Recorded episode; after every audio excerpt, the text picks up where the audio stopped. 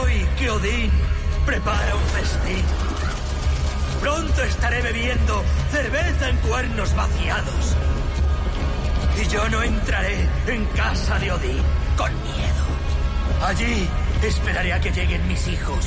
Y cuando lo hagan, gozaré de sus relatos triunfales. Los dioses me recibirán. Muero sin ningún arrepentimiento. Solo espero a las valquirias para llevarme a casa.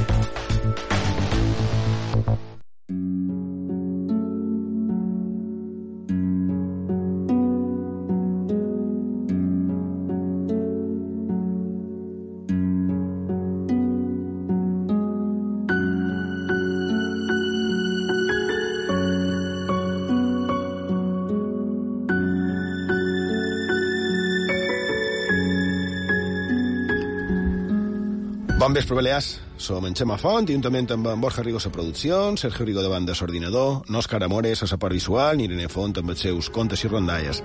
I en Miguel Soler, en els comandaments tècnics, vos donant la benvinguda a l'edició 386 d'aquesta trobada radiofònica anomenada Font de Misteris.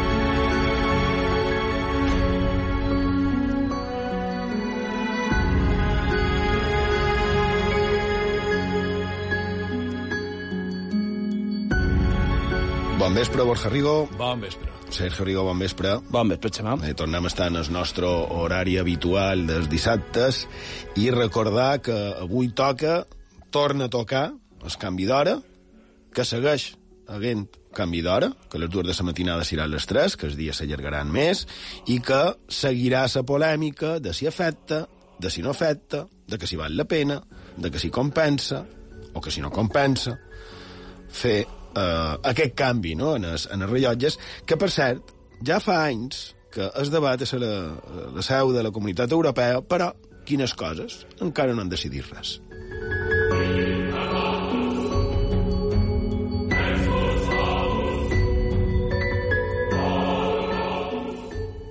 Ja és ben hora. De que... vale. Sempre, sempre és curiós aquest canvi d'hora, no? Te sents com si viatgessis en el futur. Trobes? Sí. També poden dir que encara hi ha temps. Uh, sí, bé, ja és que quan, quan es va posar damunt... Bé, suposo que vos en recordeu, precisament, que, que quan es va comentar el tema de si des de la Unió Europea trobaven si era o no convenient, li varen dedicar un programa a Font de Misteris, que, com sempre, el programa el teniu al vostre abast en els jocs habituals i que, que Sergio ara dirà d'aquí un moment. I ho dic perquè això del canvi d'hora també té la seva gràcia, perquè ben probablement és més antic del que pensau i amb un origen no exactament com el que imaginam. Eh? I d'això, canvi d'hora i que les dues de la matinada seran les tres.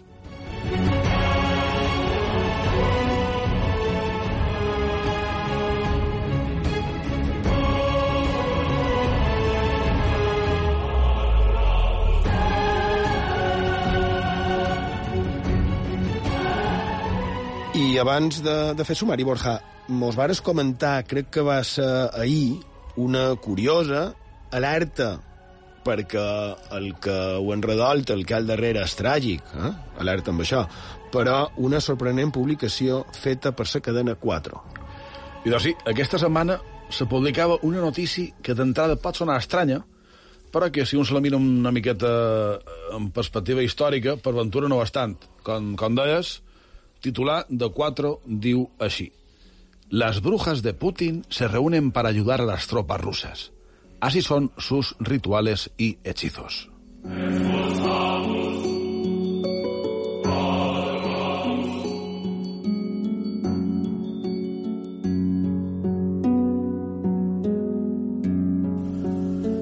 Segons se desprèn d'aquesta informació, durant els darrers dies a Moscou s'haurien fet concentracions de bruixes, qualque grup de fins a 100 persones que haurien realitzat una sèrie de rituals per tal de protegir en en Putin i per mirar d'ajudar a les tropes russes durant la guerra. I, per aconseguir-ho, el procediment ha estat el següent. Dins el que s'anomena sala màgica, les bruixes han fet cerimonis d'uns 20 minuts de durada invocant poders naturals i deïtats antigues, però també maleint en els enemics de la pàtria i fent consignes polítiques.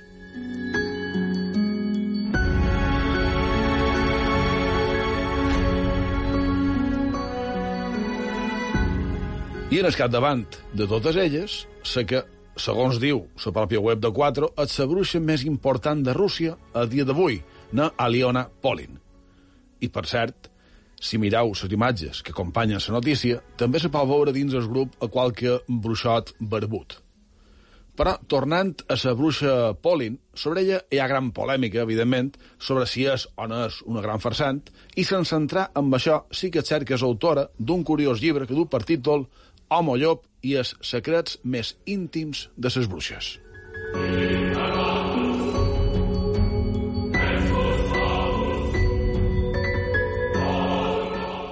Hem de recordar també que fa uns anys, 2019, segons recull la BBC i altres mitjans, ja se van fer rituals semblants per protegir en Putin, en aquest cas també per maleir en Trump. Però, com deien al principi, això és evident que ve de molt més enrere en els temps. Podríem dir que des dels inicis de la civilització la figura de bruixes o bruixots o xamans sempre ha estat en el costat del poder, aconsejant a l'hora d'iniciar o no conflictes. De fet, estareu d'acord si mos quedam a la mateixa Rússia, qui pot oblidar la figura d'en Rasputin?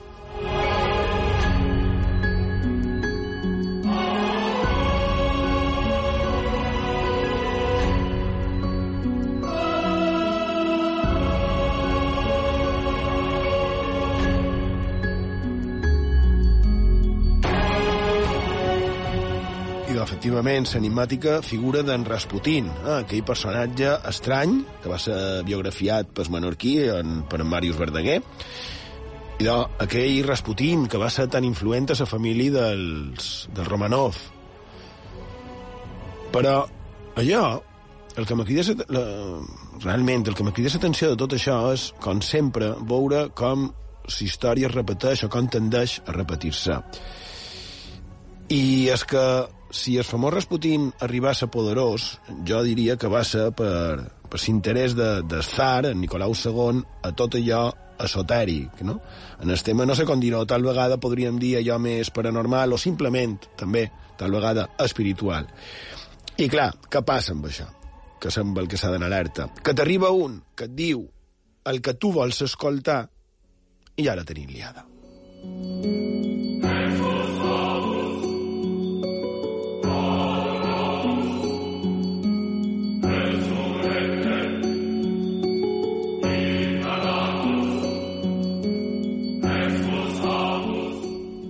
Cas és que cent anys després, un segle després, de Nicolau II, tenim un altre que no sé si es deixa o no influir per coses de bruixes i bruixots, però sí que sorprèn el que, el que ara deies, Borja. Perquè any 2019, això era notícia, i fixeu-vos el que deia Euronews, eh? 7 de febrer de 2019, fa 3 anys, titular un sortilegio para Putin, y diu, tintineando cascabeles y con probetas gigantes llenas de sal, llevan capas negras encapuchadas y no les falta la escoba mágica. Se trata de un encuentro de brujas y hechiceros rusos que hacen rituales y conjuros para crear un círculo de poder que dé suerte y energía mística al presidente Vladimir Putin. Diu, any 2019, que la grandeza y el poder de Rusia dirijan los pasos de Vladimir Putin, Madre Tierra abraza a Rusia. Esto es acto mágico, assegura la bruja Aliona Polin, que has comentat tu, i diu que és un conjuro para que mejore la qualitat de vida en Rússia. Crec que no s'ha de fer massa cosa, no?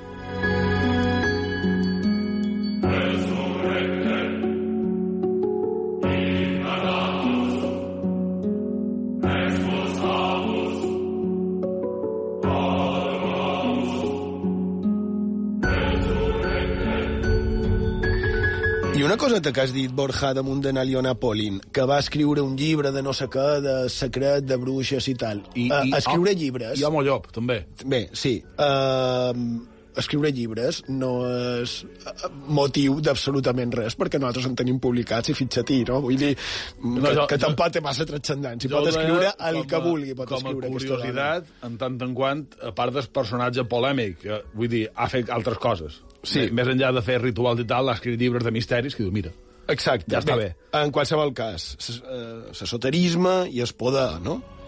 Un, un altre tema que pot sonar ridícul realment, però clar, en aquest cas, el que crec que cal recordar és la relació real que hi havia entre els nazis i l'esoterisme. Per tant, és com a mínim curiós i a la vegada inquietant.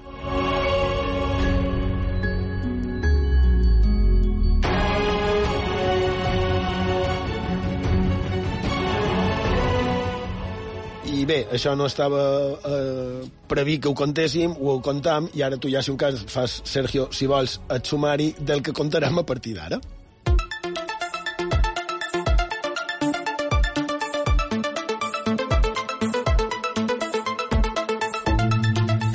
I d'aquest programa 386 de Font de Misteris el començarem xerrant del curiós origen d'una de les connexions inalàmbriques més habituals del nostre dia a dia. Tot d'una ho veurem.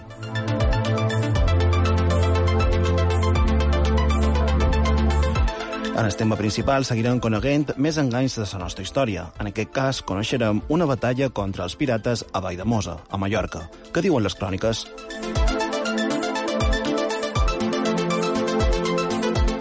I també torna en Irene Font en la seva secció Contes i Rondalles.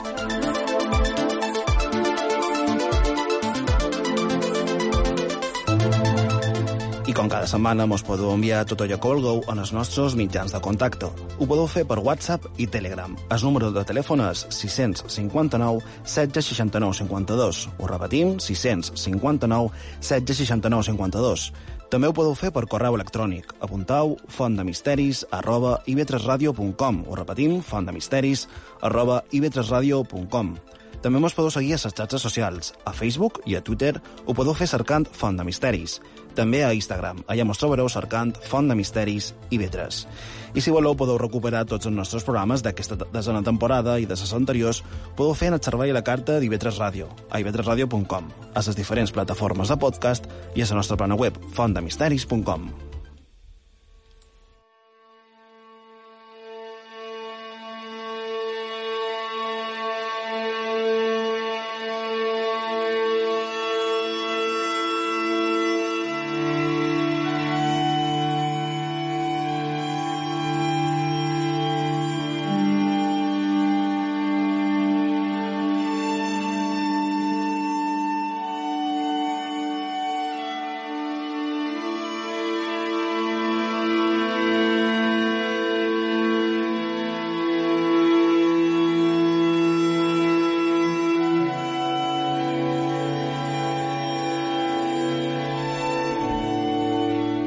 De Sergio, seguint el sumari, que mos has de contar. I d'avui, Xema, volem comentar un assumpte molt curiós que mos lliga en la història i la tecnologia, i les connexions poden dir inalàmbriques. Com se pot relacionar tot això? I amb una paraula clau, el Bluetooth.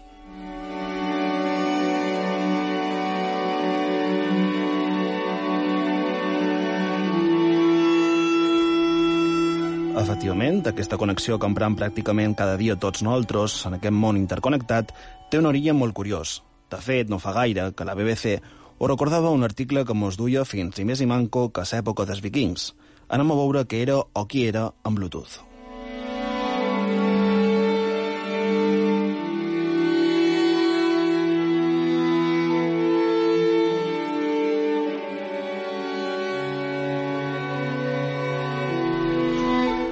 En Bluetooth original va ser en Harald Gormson, de mal nom Blatant, que era, o oh sorpresa, dent blava en danès. Vos sona, imagina, això de dent blava.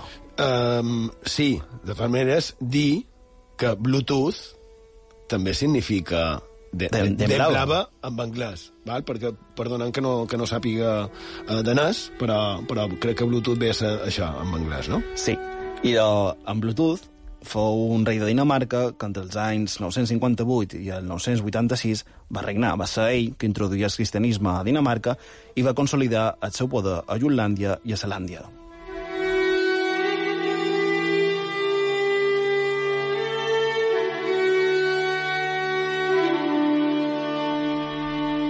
Per a la pregunta és què va fer aquest bon home perquè ara tinguem aquest nom a una de les connexions més importants que tenim?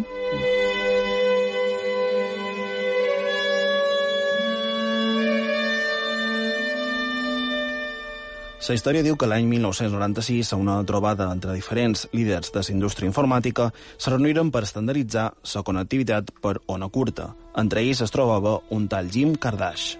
I de resulta que aquest home llegia The Long Ships, els vaixells llargs, una novel·la que narra les aventures dels vikings i com a Bluetooth va aconseguir unificar les diferents tribus daneses sota la seva corona. Per això, amb aquest ímpetu d'unificació sobre un mateix regnat, va proposar que aquesta connexió recordés a Bluetooth, encara que, com se va reconèixer posteriorment, l'idea d'aquest nom era totalment provisional, però la tecnologia se va fer famosa i el nom no va canviar. Que no sé vosaltres, però amb aquest, amb aquest nom perquè m'apareix fascinant. Com a, mi, com a mínim és curiós, la veritat és que, és que sí. És curiós, és interessant, és un invent, francament, molt, molt útil, el Bluetooth. Bé, ja dic que, ho emplea, que això feim-nos cada dia i Jo tot he això. de, he de confessar que m'he modernitzat, entre cometes, fa un any i busques. Fins ara vos puc assegurar que mai, fins fa un any i mig aproximadament, mai havia emprat coses semblants en el, en el Bluetooth. Sí que havia trascat coses de vikings, és una altra Això, història, això sí. però, però com a Bluetooth, com a invent, com a tecnologia, no, no, no l'havia tastada. Jo la veritat és que no l'emplei gaire. Quan va sortir això del Bluetooth, sí, perquè duies aquesta mena de pinganillos que, que anaven per Bluetooth just en el, en el principi i això, però, però després ja no. Però llavors dic que se segueix emprant cada dia absolutament per tot, perquè tots els auriculars inalàmbrics que ara mateix se connecten precisament per Bluetooth. Però tu me veus allò amb auriculars inalàmbrics? Sí. Tu trobes? Sí, en secret. Encara, ah, sí, exacte. Am- D'amagat. Uh, crec que encara plourà per, per, per això. Bé, i per acabar amb aquesta història, un detall més. Tenim el color blau, no?, com han comentat, però també una espècie de lletres que no deixen de ser runes, la fusió entre les runes H i B, les inicials de Harald Bluetooth. Què vos pareix?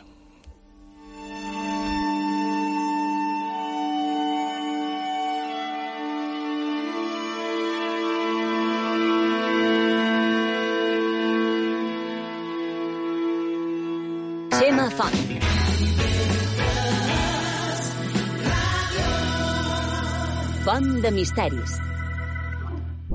Cada dissabte a les 10 del vespre ens mirem l'actualitat amb distància des de l'Oasi. Una remesa de plátanos procedente de Colombia se encontraron más de 100 kilos de cocaína. Tampoc ho han inventat els colombians, això, eh? A les Illes Balears fa molt de temps que s'hi ofereix fruita amb cocaïna. Fins i tot el, el Miquel Montoro en va fer un vídeo dels seus. Avui vos explicarem les taronges. Això, d'aquí, Sí, la coca. aquesta blanquinó, Ah, exacte. això és el que cura els, els constipats. Ah, mira. L'Oasi, el racó d'humor i sàtira d'IV3 Ràdio. I d'any no, això no se lleva.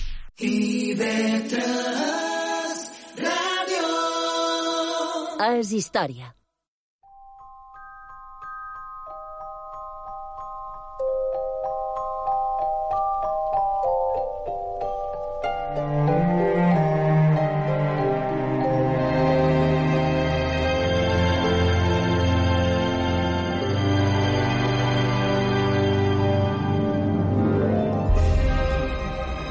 Seguim a Font de Misteris, a sintonia d'IV3 Ràdio, la ràdio pública de les Illes Balears. A Menorca mos podeu trobar en el 88.6 de la freqüència modulada i anem en la secció Contes i Rondalles, on Irene Font cada setmana mos du, i d'això, qualque rondalla, qualque historieta que, que pel motiu que sigui li hagi pogut cridar l'atenció. Bon vespre, Irene. Bon vespre, Xema. Què mos dus avui? Avui estem una setmana més als micròfons d'IV3 Ràdio amb escoltes i rondalles. I per avui torno una relacionada amb, amb el que és el tema principal del programa, els enganys, la conseqüència d'un engany. També és d'en Joan Castelló Guasc, però aquesta és del llibre de rondalles i vicenques. Du per títol Els pastorells i conta tal que així.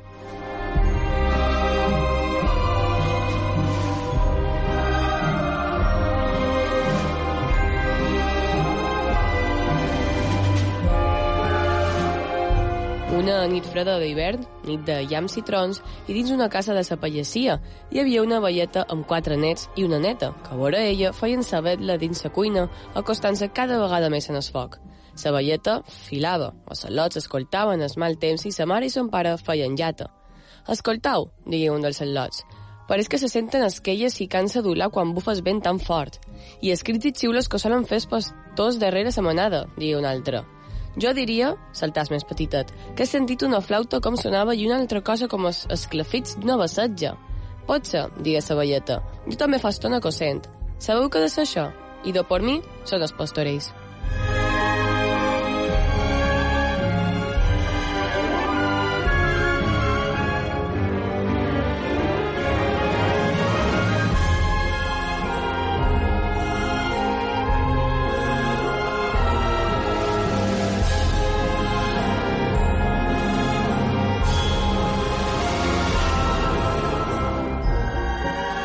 Aquests, un tant confusos, li van preguntar que què eren els pastorells, que mai havien sentit xerrar d'ells.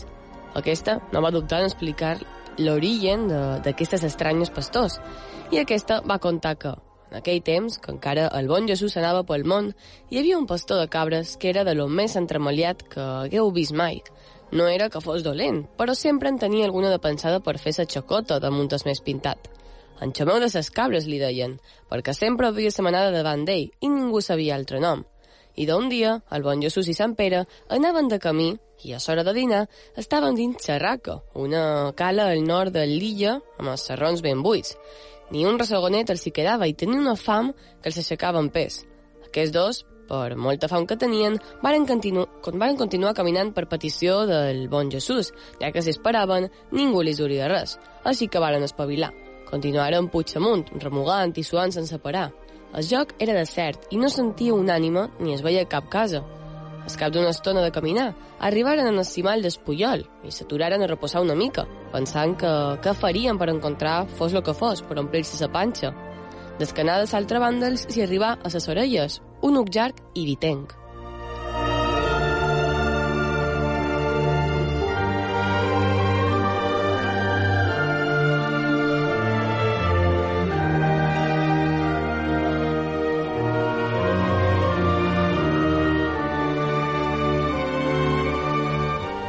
Sentir una veu primeta en un principi, però després aquesta es va tornar ben greu. Aquests dos començaren a córrer pujol avall i amb les cames que li tocaven els darrers. Allà on hi havia ucarela volia dir xacota segura, i allà on hi ha xacota no hi ha manca per menjar. Enmig d'una clariana que feia el bosc s'hi trobaren quatre pastors enremolinats, amb una bona fogotera, i vora ella, els ossos, ja ben pelats, d'una ovolla que s'acabaven de menjar, conegueren que eren pastors perquè varen veure ses manades del bestiar com pasturaven entre els pins i els cans que les guardaven. Un d'aquells pastors era precisament en Xomeu de ses cabres. El bon Jesús i Sant Pere varen tratar de xerrar amb ells, dient-los que havien arribat allà per un vent dolent i per la fam que, que duien amunt. En Sant Pere li va demanar que si tenien alguna cosa per menjar, i aquests, entre rialles, digueren que havien arribat tard i en Xumeu, que no pensava cosa bona, li va dir que tractaria de trobar alguna cosa. Quan aquesta segueren, s'ha d'anar cap dins el bosc i de baix d'una argalaga va treure un moix que aquell mateix matí havia mort amb una pedrada. Aquest reia internament mentre, ganivet en mà, l'escorxava, li treia els budells i li tallava el cap, les potes i la cua. Quina cara que faran una vegada que se l'hagin menjat i els hi diguem que la segalla era un moix. Serà farest, digué ell en veu baixa. Quan el moix estava ben net, el va dur a la Rolana i li va dir el bon Jesús i a Sant Pere Germans, teníem aquesta segalla per afegir a la vella que hem fet, però com que ja estan tips, mos la rostiré. El bon Jesús s'ho mirava i callava, mentre que Sant Pere es llepava els morros, i els pastors anaven de consellons i reien.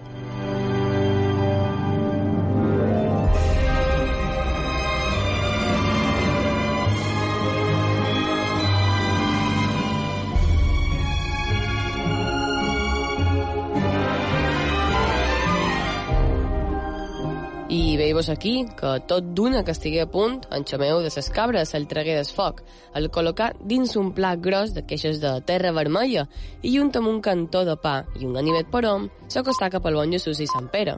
Llavors, també els hi acostà una marranxeta de vi i els hi digué «Això és tot el que tenim, menjau, begueu fins que no hi quedi res, i mal viatge faça qui vos soplanyi». Sant Pere, que ja havia agafat el mos per una cama i estava amb el ganivet a l'aire, s'aturant-se quan el bon Jesús li manà «Però, ten una mica de paciència, que abans han d'aclarir una cosa». I apuntant Sant Tomeu, en Xomeu li preguntà «Deis havent de veure això que mal viatge faça qui mos planyes menjar?» Aquest, un tant confús i sense saber on volia anar a parar aquell home, li va dir que sí que feia. Com és d'ara, digué Jesús, quan ja qui dolent voldríeu que es fes en aquest viatge, qui tal sentiments tingués? En Xomeu entre rialles va dir, tan llarg que no acabàs mai ni es viatge ni sa feina. I vosaltres qui deis? preguntà el bon Jesús en els altres pastors. Lo mateix que en Xomeu. Pop més pop manco, respongueren rient i fent-se ullades entre ells. I lo que desitjau, tingueu.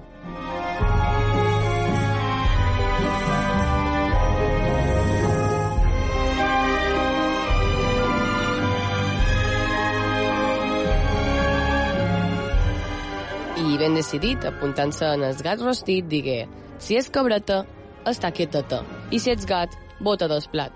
Encara no havia acabat de dir aquelles paraules quan el gat va ficar un bot de dins el plat, viu i vestit com si res li hagués passat. Passà com un jam per davant els pastors miulant amb tota l'ànima i descomparegué per dins el bosc. L'espant d'en Xomeu de altres pastors no podia ser expressat en paraules.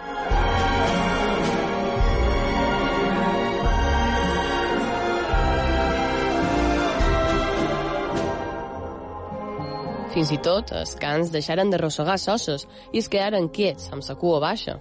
No tan sols heu planyegut un mos de menjar dos porves caminants que cap mal us havien fet, sinó que us heu volgut riure d'ells, els hi digué el bon Jesús. Vosaltres mateixos us heu fet sa sentència. No acabareu mai ni es viatge ni sa feina.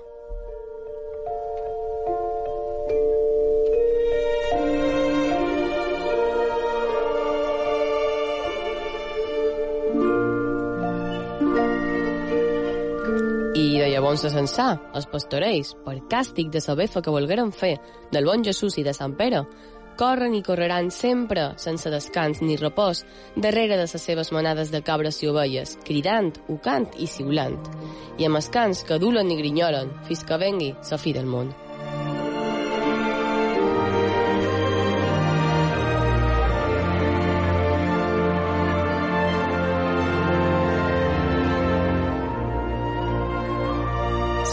La velleta li va preguntar que si allò que acabava de contar era una invenció o, de lo contrari, si era realitat.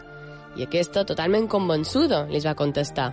Això he sentit contar, però això puc assegurar-vos que m'ha paregut sentir els pastorells moltes vegades, sobretot en nits de mal temps, allà en part de la matinada.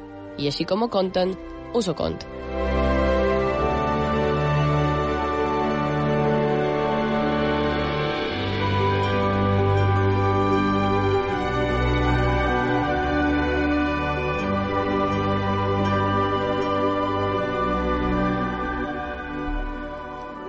I d'aquí, bé, a part de, de ses paraules i aquestes frases tan de, de ses pitiuses, i jo crec que, que ben desconegudes que, que poden trobar en els escrits d'en Joan Castelló Guasc, com, com això que diu de, de fer llata, que és fer tires d'espart per fer senaies, o per fer espardenyes i, i semblants, o fer xacota, que és fer festa, fer, fer burla, o les referències a, en els UC, eh? a part del grup de música, evidentment, el, el suc escrit aquell tan, tan curiós que, que encara no hem parlat a, a Font de Misteris i crec que valdrà la pena aprofundir amb els sucs.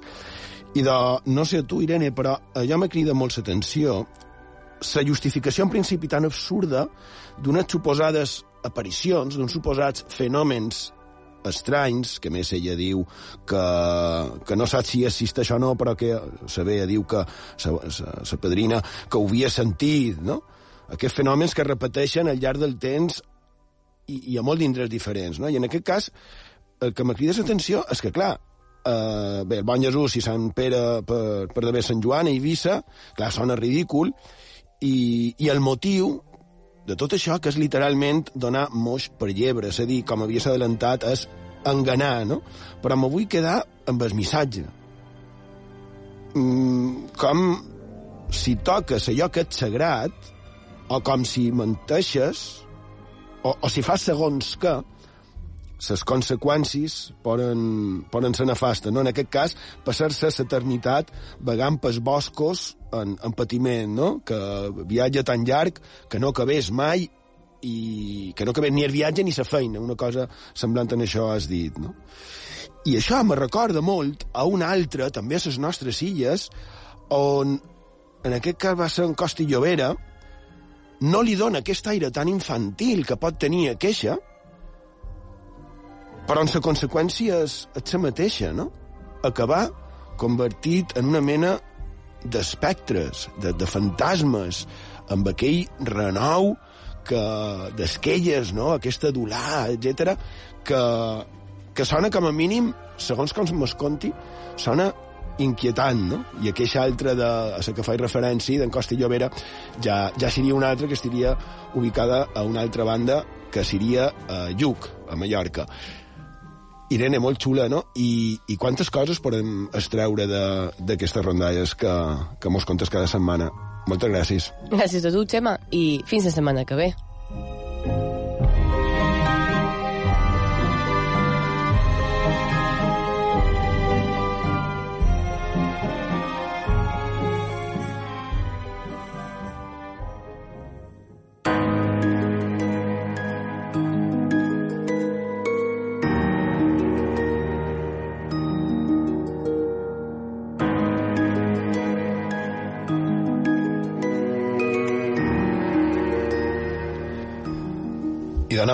Amb el que nosaltres anomenem el, el tema principal eh, del, del, del programa. I en el darrer, en el darrer programa, en el 385, vàrem parlar de situacions d'en Barbarossa vinculades amb els enganys i les nostres illes.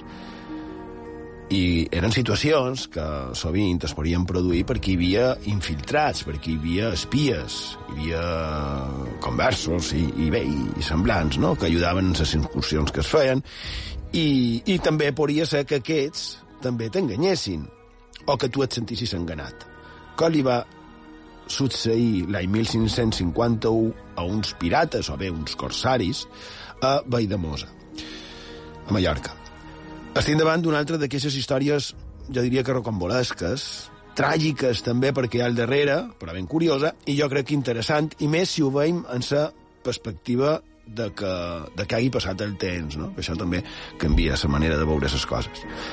Per començar tenim que setembre de 1551 veuen des de la torre de Valldemossa que s'atraquen deu galeots barberers es vigia avisen el capità de, de la vila, que era en Raimundo Gualdemur, que era fill d'un altre que havia estat eh, a la batalla de Tunísia en l'emperador quan l'atac contra Barbarossa que varen comentar en el programa anterior. I d'aquest, aquest capità, en Gualdemur, tracta d'organitzar les defenses, però resulta que no té gent suficient i només aconsegueix sumar 36 persones que fessin de soldats. I com que veia que no es bastaven, diuen les cròniques que els hi va fer una mena de discurset tipus el que anomenaríem un, un coach, eh? tipus d'autoajuda. Això m'ha semblat molt curiós. Diu, temiendo que estos no desconfiasen de sus pocas fuerzas, les hizo un breve y eficaz razonamiento para multiplicar los ánimos.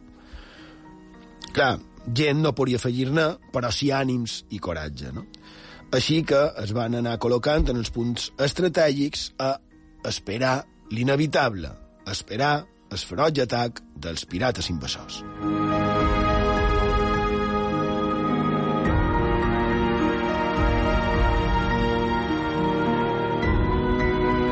I així fou. Desembarquen 500 pirates per d'haver la zona coneguda com la cova, anaven guiats pel que es coneixia com un renegat. Eh? Normalment era qualcú que havia estat fet captiu i que a canvi de, de prebendes, de benefici o simplement de no patir més del necessari, ajudava en els atacants guiant-los, donant-los informació de, de les defenses, dels punts importants, dels punts neuràlgics, etc. No?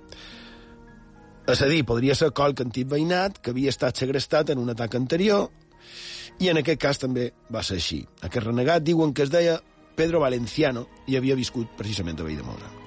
El corsari se duia enfermat, clar, perquè si no mm, podia aprofitar que coneixia el joc, que era de vespre, i ell se podria enganar, i podria fugir per aconseguir la llibertat, o bé també el s'hi podria dur cap a qualque trampa, no? Els casos que arriben aquest moros a terra, avancen de vespre, i quan surt el sol, els veïns de Mossins se n'adonen de la verdadera superioritat dels atacants. Així que en lloc d'atacar directament, esperen a que tornassin del poble, després de saquejar, per tal de fer-los una emboscada.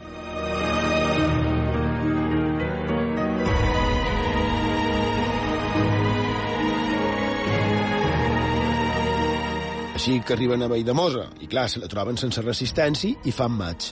Tant com per dir cròniques que alguns dels atacants es varen matar entre ells per discussions damunt del que anaven robant. Eh? I bé, a part d'algunes anècdotes, jo crec que el més rellevant és que s'endugueren més 400 captius. La majoria eren persones majors, eren dones, eren infantons, i el que és també ben rellevant és que els defensors, uns 35, eh, que, que he dit abans, els esperaven per tallar-li la retirada, és a dir, 35 contra 500.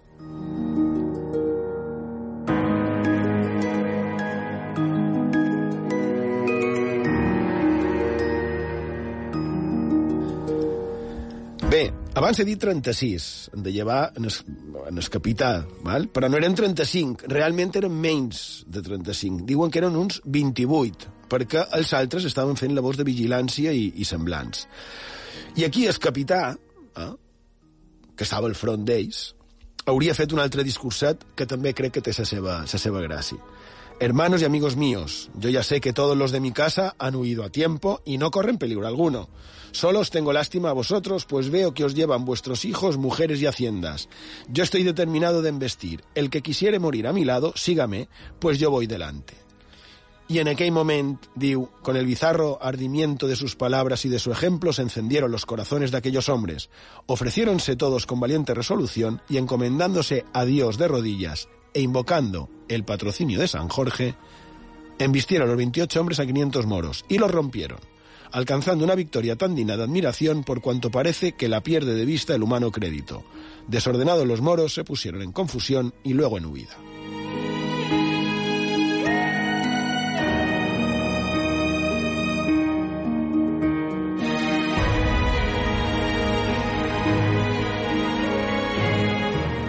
Tenim que, diu, els moros se posen a fugir i que fan els defensors? Aquells 28, o els que quedessin, no?, d'aquells 28 en condicions de, de lluita que fan davant la fugida i la retirada dels invasors. I de diu, siguieron los nuestros la victoria, tan llevados de su propio valor y tan prácticos en aquellos asperísimos caminos que degollaron la mayor parte de los corsarios, sin perdonar a muchos que se rendían y ofrecían mucho rescate, pasándolos a cuchillo por juzgar peligrosa la ventaja de los prisioneros si los dejaban con vida. No me digueu, això sona bèstia, com, com ell tot no? Van dedicar-se a tear a tots els que pogueren, sense importar que rendissin i fins i tot encara que oferissin un bon rescat. Perquè hem de recordar que el rescat dels captius era com un mercat que es practicava no només aquí, també allà, és a dir, una i l'altra banda de, de la Mediterrània, i que pel que he vist, pel que he trobat a les cròniques, es solia respectar. Però en aquest cas, els que els, vei, els veidemocins no haurien respectat, segons sembla, varen ser ses vides, eh? i no varen voler fer pactes. I mos diu que de tornada de la batalla, diu 72 cabezas de moro se trajeron a la ciudad enastadas por las narices en chuzos, picas y alabardas. Muchos de ellos quedaron despeñados en la huida por la fragosidad de aquellos pasos. Pocos volvieron a embarcarse, y estos tan mal heridos que después se supo, por relación de algunos esclavos de las mismas galeotas, que desde que zarparon hasta llegar a Argel echaron muchos cuerpos muertos al mar, y en tres o cuatro galeotas llegó a faltar de tal modo la guarnición que los que quedaron andaban por la crujía con los alfanjes desenvainados, temiendo el levantamiento de los esclavos, y se dijo que de los que habían desembarcado no había vuelto ninguno a Argel. Gáneseles la bandera, la cual está hoy colgada en la iglesia de la villa.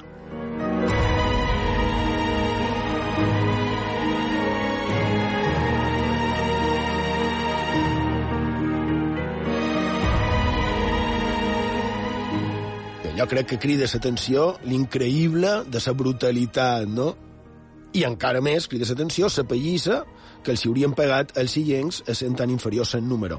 Però, i si resultés que realment no eren tan pocs els defensors? Dels 18 moros captius que haurien aconseguit fer, hi ha aquest suposat testimoni. Diu, les habían deshecho. Dijeron que ellos habían peleado con un numeroso ejército guiado por un caballero que iba en un caballo blanco. Creyóse que fue el glorioso San Jorge, patrón del lugar, que siempre ha defendido aquella villa. Au, idò, un exèrcit, diguen que fantasma, hauria ajudat en el veí de Mossins en aquella singular i també desigual batalla.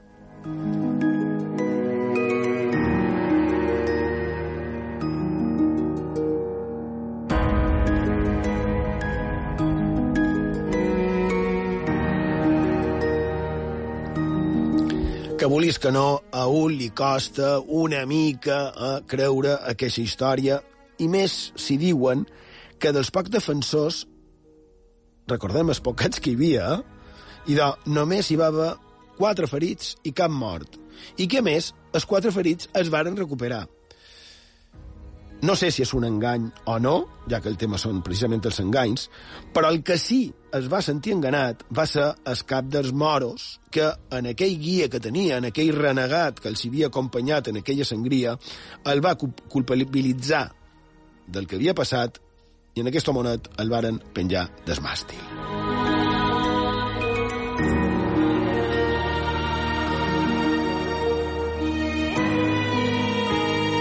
És a dir, que ells pensaven que el seu guia, aquell renegat, que no sempre eren renegats, a vegades era gent que tractava d'aconseguir la llibertat i per això es feien passar no? per, per anticristians que, i que abraçaven la fe del profeta Mahoma. Però en aquest cas, eh, el cap dels pirates, que, que pensava no? que el seu guia l'havia traït o que l'havia enganat, quan realment la derrota hauria estat per Sant Jordi.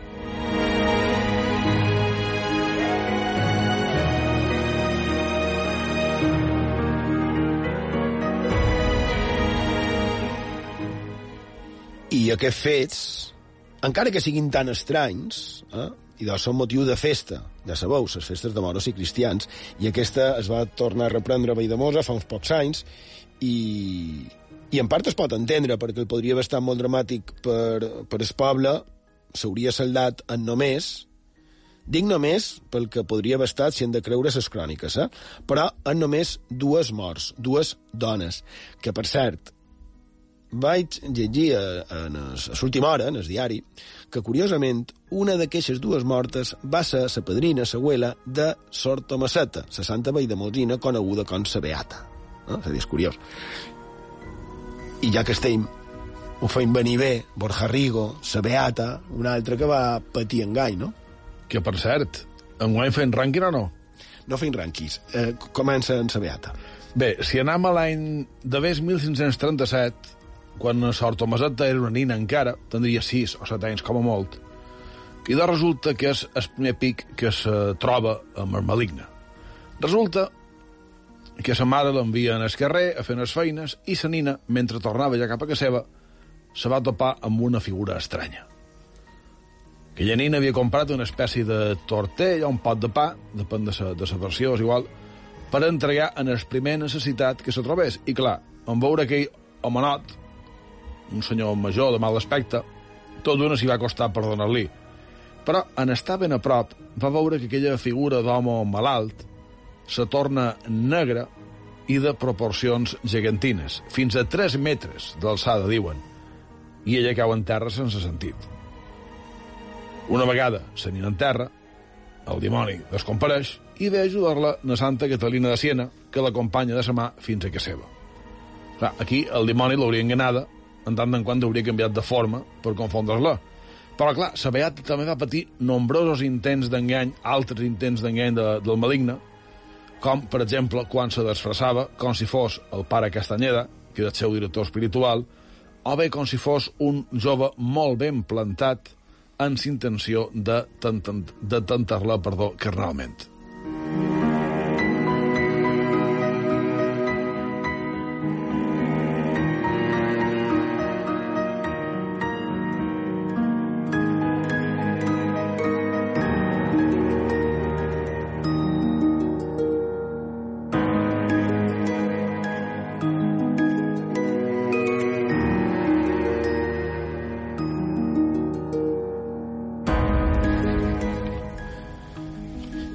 Aquí, ja que ho enllaçam tot, ja que som a Valldemosa, amb tema de religioso, religioses i de dimonis i d'enganys, Borja, tens qualcun altre per aquí.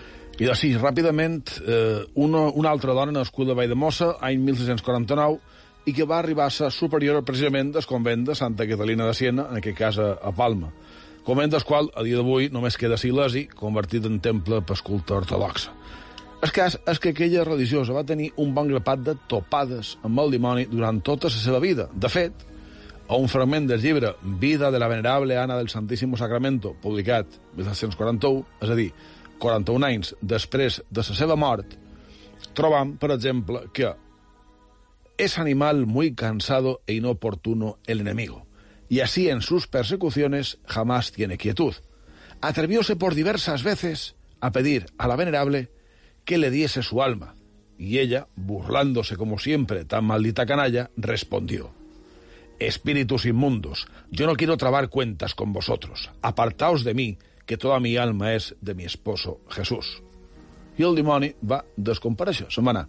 Un altre en otra ocasión se le apareció el demonio en forma muy horrenda y abominable, diciéndola, todo cuanto escribes y trabajas os ha de echar en perdición al confesor tuyo, a otra persona y a ti, pues está todo lleno de errores y disparates.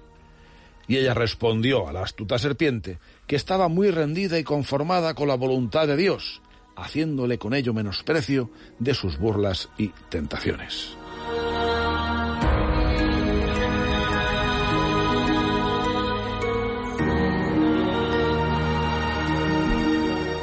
Bé, tenim, tenim més, però se mos acaba el temps, però és que ara m'ha vengut en el cap. Uh, supos que estireu d'acord en jo, Borja Sergio.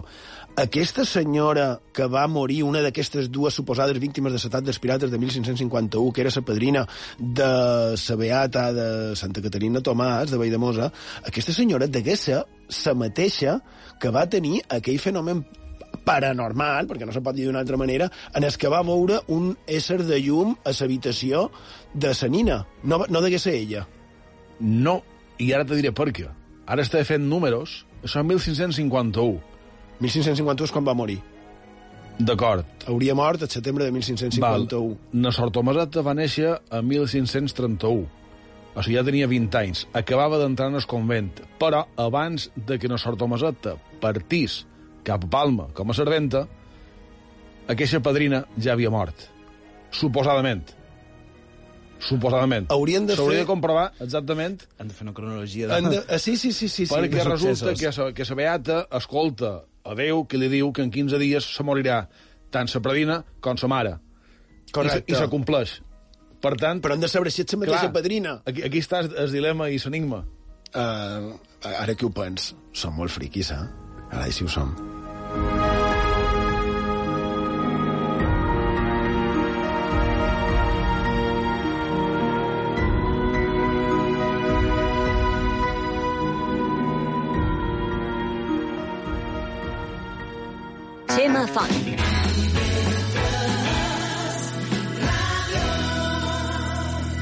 Misteris. Aquest diumenge, a les 12 del matí, Sevilla Atlètic, Atlètic Balears. Els d'Eloi Jiménez han tornat a la zona de playoff i volen sumar 3 punts a terres andaluses davant un rival que lluita per no descendir de categoria. Viu l'emoció de l'Atlètic Balears aquí, a IB3 Ràdio.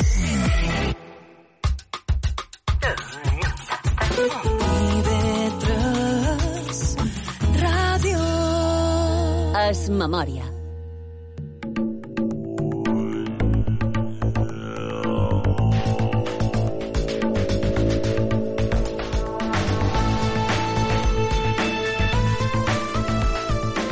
I hem arribat a la fi del programa d'avui. Esperem que hagueu passat una estona agradable i que hagueu pogut treure qualque cosa de profit d'aquesta font de misteris. I bé, entre d'altres, hem parlat de- d'un Sant Jordi defensant les posicions dels veïdemocins, no? Així el manco ho conten.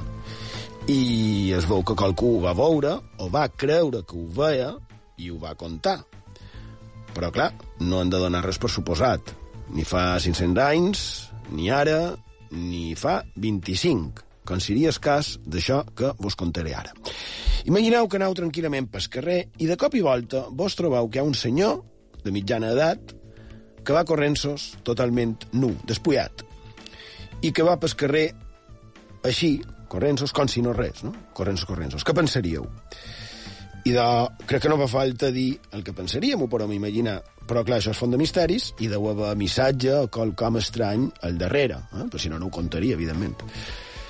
I de fa 25 anys, la policia d'Austràlia va haver de reduir i de posar les manilles a un senyor, un tal Peter, Peter Archer, de 47 anys, per anar pel carrer totalment despullat.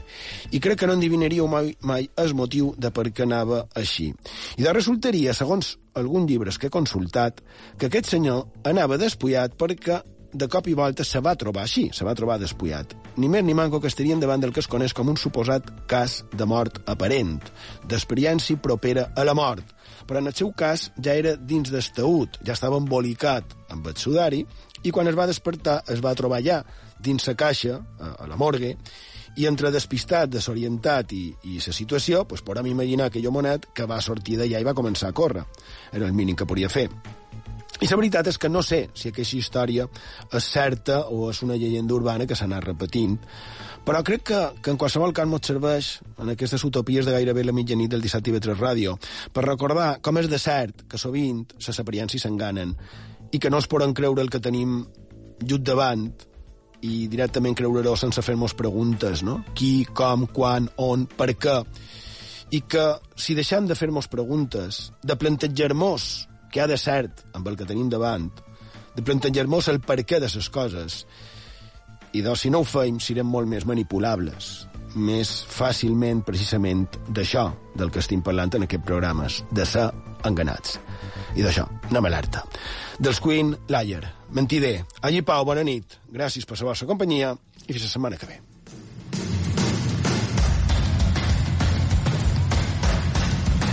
Suck it to the want